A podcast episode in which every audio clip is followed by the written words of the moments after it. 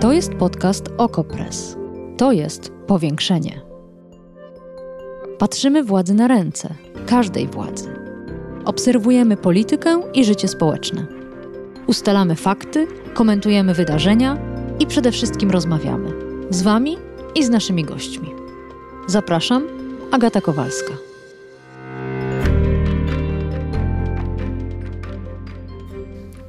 No muszę Państwu powiedzieć, że aż mi dech zaparło z radości, bo właśnie przed chwilą skończyłam wypełniać formularz Narodowego Spisu Powszechnego Ludności i Mieszkań. I pierwszy raz w historii mojego małżeństwa mogłam zgodnie z prawdą uzupełnić urzędowy formularz Rzeczypospolitej Polskiej. Stan cywilny, żonata. Z kim mieszkam? Tu wpisałam dane mojej żony. Małżonka, partnerka, tu znów dane mojej żony. Na dodatek GUS dwa dni temu potwierdził, że te opcje to nie jest przypadek. Pytanie, czy moja radość oznacza, że doświadczamy jakiegoś przełomu? Czy Główny Urząd Statystyczny dokonał rewolucji, nie czekając na resztę naszego państwa? O tym dzisiaj w powiększeniu. Zapraszam.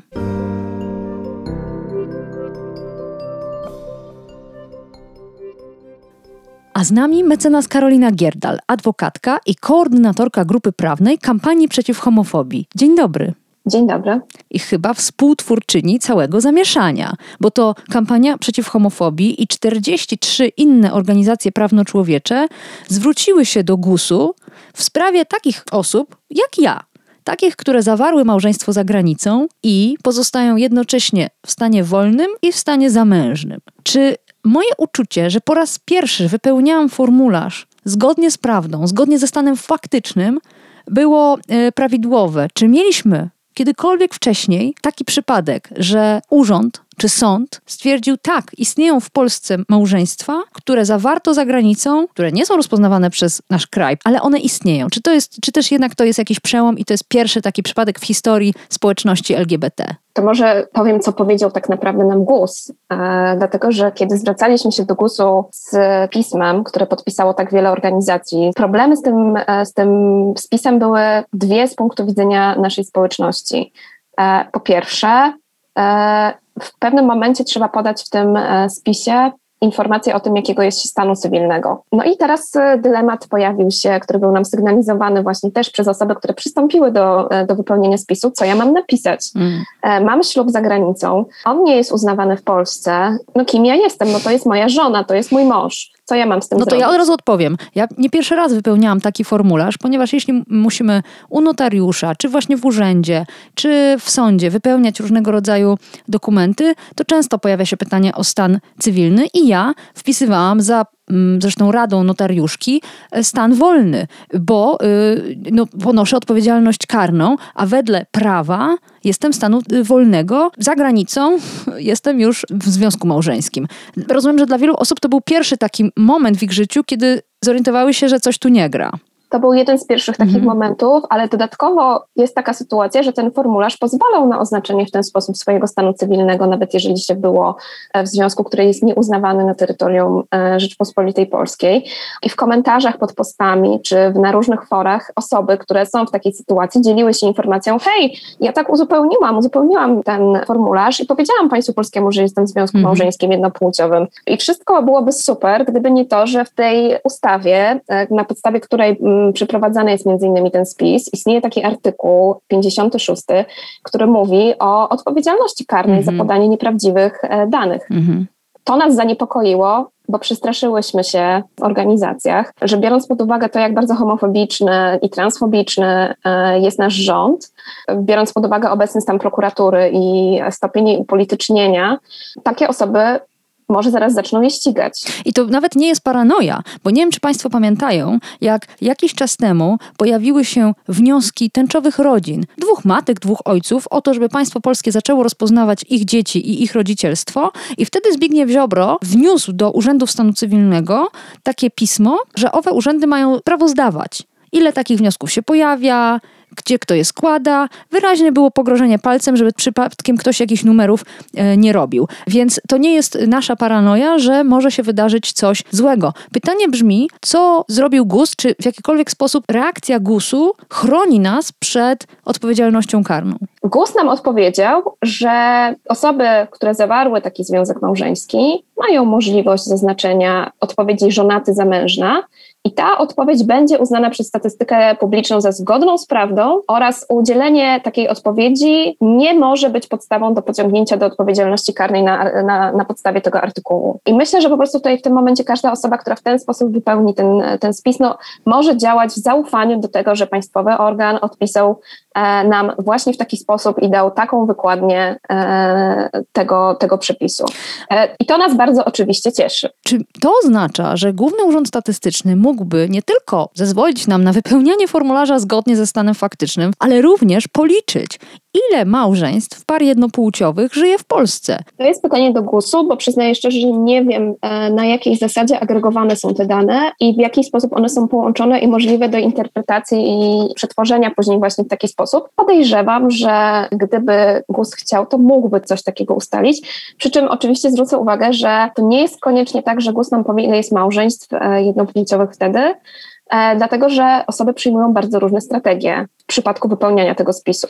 Chodzi mi o to, że niektóre osoby mogą się bać wskazać na to, że są w takim związku, bo nie ukrywajmy, żyjemy od wielu lat, ale zwłaszcza od kilku lat w takich okolicznościach społecznych i politycznych, w których mówienie o sobie, że jest się osobą e, należącą do społeczności LGBT, że ma się e, żonę męża tej samej płci, możemy się obawiać, że spotka po prostu nas coś trudnego. A Oczywiście... sprawozdawanie się państwu mm -hmm. z tego mm -hmm. też może być obarczone e, obawą. Tak, bo teoretycznie Główny Urząd Statystyczny obejmuje te wszystkie dane absolutną anonimowością. E, natomiast, jak rozumiem, prokuratura nie jest objęta tymi, tymi ograniczeniami i może nagle zacząć e, grzebać. Więc też rozumiem tę te, te obawę. Czy pani Dobrze. zdaniem to jest przełom? To znaczy, czy Główny Urząd Statystyczny dokonał tej rewolucji, nie czekając na pozostałe um, urzędy i instytucje państwowe. Ojku, nie wiem, czy to jest przełom, nie wiem, czy to jest rewolucja. Po pierwsze uważam, że to jest w końcu przyzwoitość i uznanie stanu faktycznego i ja osobiście no, jestem jakoś wzruszona tym faktem, że jeden z urzędów Rzeczypospolitej Polskiej pisze mi, że odznaczenie się w taki sposób będzie zgodne ze stanem faktycznym. Jest to, jest to na pewno budujące. Nie wiem, czy jest to tak, że jest to jakieś, że to jest jakieś wyjście przed szereg. Na pewno jest to dobra, dobra wiadomość i mam nadzieję też, proszę, że, że, Posłuchajmy że tego jeszcze raz. To jest odpowiedź prezesa Głównego Urzędu Statystycznego do KPH i 43 innych organizacji. W przypadku osób pozostających w jednopłciowych związkach małżeńskich zawartych za granicą, udostępniony formularz spisowy nie ogranicza możliwości wskazania przez te osoby ich sytuacji faktycznej. Pomimo braku uregulowania w polskim prawie jednopłciowych związków małżeńskich, w formularzu spisowym osoby te mają możliwość zaznaczenia odpowiedzi żonaty, zamężna, która będzie uznana przez statystykę publiczną za zgodną z prawdą. Kilka zdań, a takie to wzruszające. Dla tych to z nas, jest wzruszające. To naprawdę jest wzruszające wiedzą... i poruszające bo myślę, że jest to taki jeden z, jeden z tych momentów, kiedy osoby faktycznie będą mogły pokazać, że istnieją. Niestety tej radości nie mogą podzielać osoby transpłciowe i niebinarne. W ich sprawie wszystkie te organizacje prawno-człowiecze też występowały. Mhm. Tutaj znów zaglądam do formularza. Formularz automatycznie za nas wypełnia rubrykę płeć na podstawie numeru PESEL. Tam są zresztą tylko dwie płci do wyboru kobieta, mężczyzna. To zaniepokoiło KPH i inne organizacje. Dlaczego?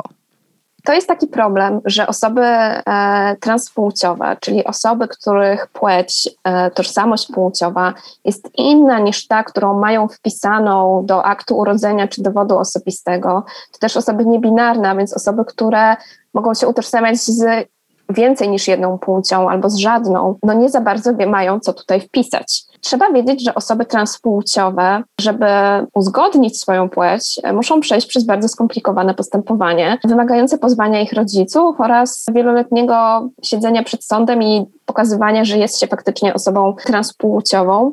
Nie każda osoba się na to decyduje. Mamy w Polsce bardzo wiele osób transpłciowych, które po prostu nie przeszły przez formalną procedurę uzgodnienia płci. To A już od lat 90. Mhm. ubiegłego wieku wiemy, dzięki Sądowi Najwyższemu, że tożsamość płciowa osoby to jest jej dobro osobiste. Nie jest ona zależna w związku z powyższym od tego, co ma się w dowodzie osobistym czy w akcie urodzenia. To, to jest, najciekawsze jest to, że Główny Urząd Statystyczny też tak uważa. Wiemy to z jego odpowiedzi w sprawie małżeństw par jednopłciowych, gdzie stwierdził, tak, wpisujcie stan faktyczny, nawet jeśli w polskim prawie wasze małżeństwo jest nierozpoznawalne. W przypadku płci Główny Urząd Statystyczny zastosował inną logikę. Czy ja prawidłowo to rozpoznaję? Tak, znaczy tu w ogóle mam wrażenie, że doszło do niezrozumienia istoty sprawy. My argumentowaliśmy i argumentowałyśmy, powiedziałyśmy tak, e, mamy taką sytuację, że mamy osoby, które mają rzeczywistą płeć inną niż zakodowana w numerze PESEL.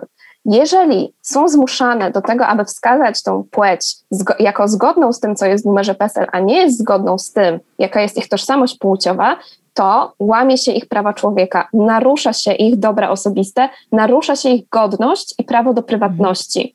E, I teraz w głosie prosimy, zmień ten algorytm tak, żeby można było odznaczyć inną płeć niż, e, e, niż ta, która jest zakodowana w numerze PESEL, tak żeby osoby te, które muszą wypełnić ten spis, bo jest taki obowiązek, nie musiały robić tego, łamiąc swoje własne dobra osobiste, naruszając swoją własną godność. To jest bardzo interesujące, jeśli się spojrzy na formularz jako całość, bo możemy na przykład wybrać inną narodowość niż ta, z którą wydawałoby się, że powinniśmy się identyfikować inne wyznanie niż katolickie, ale określić samodzielnie swojej płci nie możemy. I mnie bardzo ciekawi, co właściwie odpisał wam GUS. Ja mam ten cytat, ale szczerze powiem, że nie rozumiem. Może pani ro rozkoduje to dla nas. W celu ujednolicenia przekazywanych danych przewiduje się dwie możliwe opcje identyfikacji płci: mężczyzna, kobieta. I nie dopuszcza się danych nieustalonych. Należy przy tym podkreślić, że w ramach Narodowego Spisu Powszechnego 2021 nie jest przeprowadzane badanie dotyczące tożsamości płciowej. Co to znaczy? O, trzeba to czytać łącznie z tym, co pojawia się wcześniej, a więc to, że GUS nas informuje, że zbiera dane aktualne według 31 marca 2021 roku na godzinę 24. E, i że według tego stanu powinno się przekazać takie dane jak PESEL czy płeć. Ja to tak czytam, że według GUS-u nie jest istotna tożsamość płciowa osoby, tylko ta jej płeć metrykalna. Jeżeli ta osoba jest przed prawnym uzgodnieniem płci i ma wpisaną do dowodu osobistego płeć męską czy żeńską, to taką powinna odznaczyć w spisie powszechnym GUS, więc po prostu totalnie, kompletnie nie zrozumiał, o co nam chodziło. Albo zrozumiał i postanowił tak, to. Pewnie to jest. Ta, ale bo jeszcze raz wrócę do tego mojego przykładu z wyznaniem. GUS nie wymaga ode mnie, nie ma tego w instrukcji, że jeśli jestem ochrzczona, to muszę obowiązkowo wpisać wyznanie katolickie. Nie ma takiego przymusu. Natomiast w przypadku płci odnosi się bezpośrednio do dokumentów, a nie do odczucia. Podobnie przy narodowości. Można wedle własnego odczucia uzupełnić tę rubrykę. Nie w przypadku płci. Niestety płeć jest taką kategorią, z którą wiele e, osób, urzędów, instytucji, ale też instytucji prawnych wiąże bardzo wiele konsekwencji, uwagi i no i niestety wyobrażenie sobie, że, że być może to nie to, co ja mam w dowodzie osobistym czy w akcie urodzenia decyduje o tym, czy ja jestem mężczyzną, czy ja jestem kobietą, wciąż jest bardzo trudne do zrozumienia dla wielu osób. Mm. Ale co to znaczy? Należy przy tym podkreślić, że w ramach Narodowego Spisu Powszechnego nie jest przeprowadzane badanie dotyczące tożsamości płciowej. Co mają na myśli urzędnicy GUS-u? No jednym z argumentów, które podnosiliśmy i podnosiłyśmy w piśmie jako organizacji, było to, że jeżeli GUS będzie zbierał dane dotyczące tej płci, a przecież będzie podawał dane dotyczące charakterystyki osób wypełniających, czyli między innymi jeżeli zbiera dane dotyczące płci, będzie też podawał, jakie są proporcje między mężczyznami a kobietami, skoro już tylko w takim binarnym podziale to zbiera.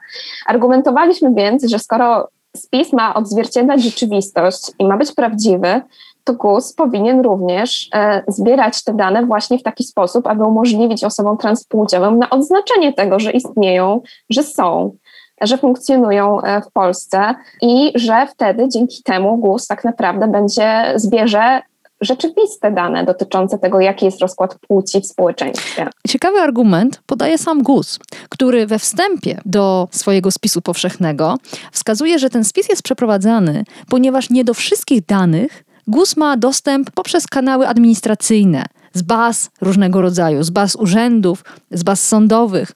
Więc prosi nas, obywatelki i obywateli, o wysiłek, abyśmy dodali do tej bazy swoją wiedzę na temat nas samych. Bazę PESELi.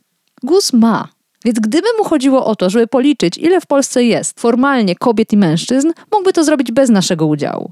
Skoro Tak, już prosi nas o to, to moglibyśmy rzeczywiście wypełnić te formularze zgodnie ze stanem faktycznym i miałby dodatkowe informacje. Dokładnie.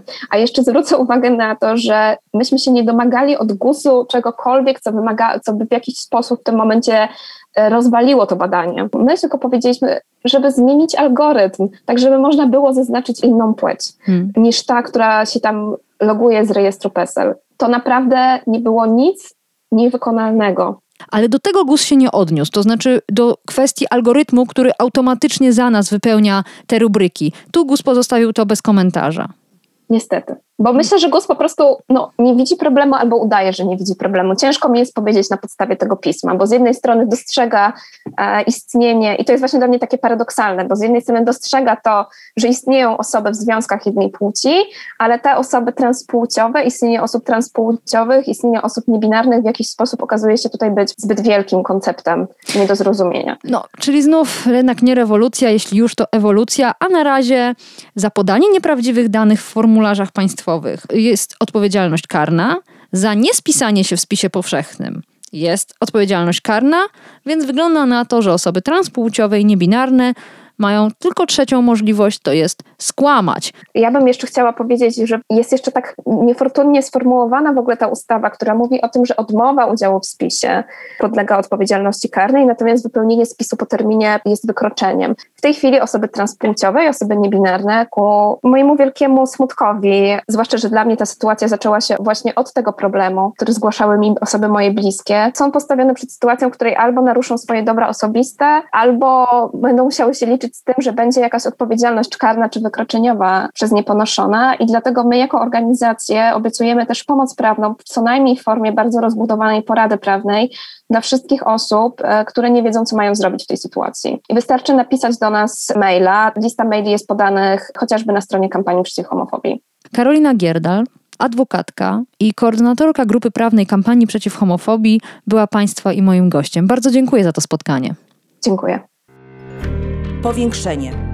Podcast Okopres. Prowadzenie Agata Kowalska. Podcast znajdziesz na stronie Okopres i w Twojej ulubionej aplikacji do podcastów.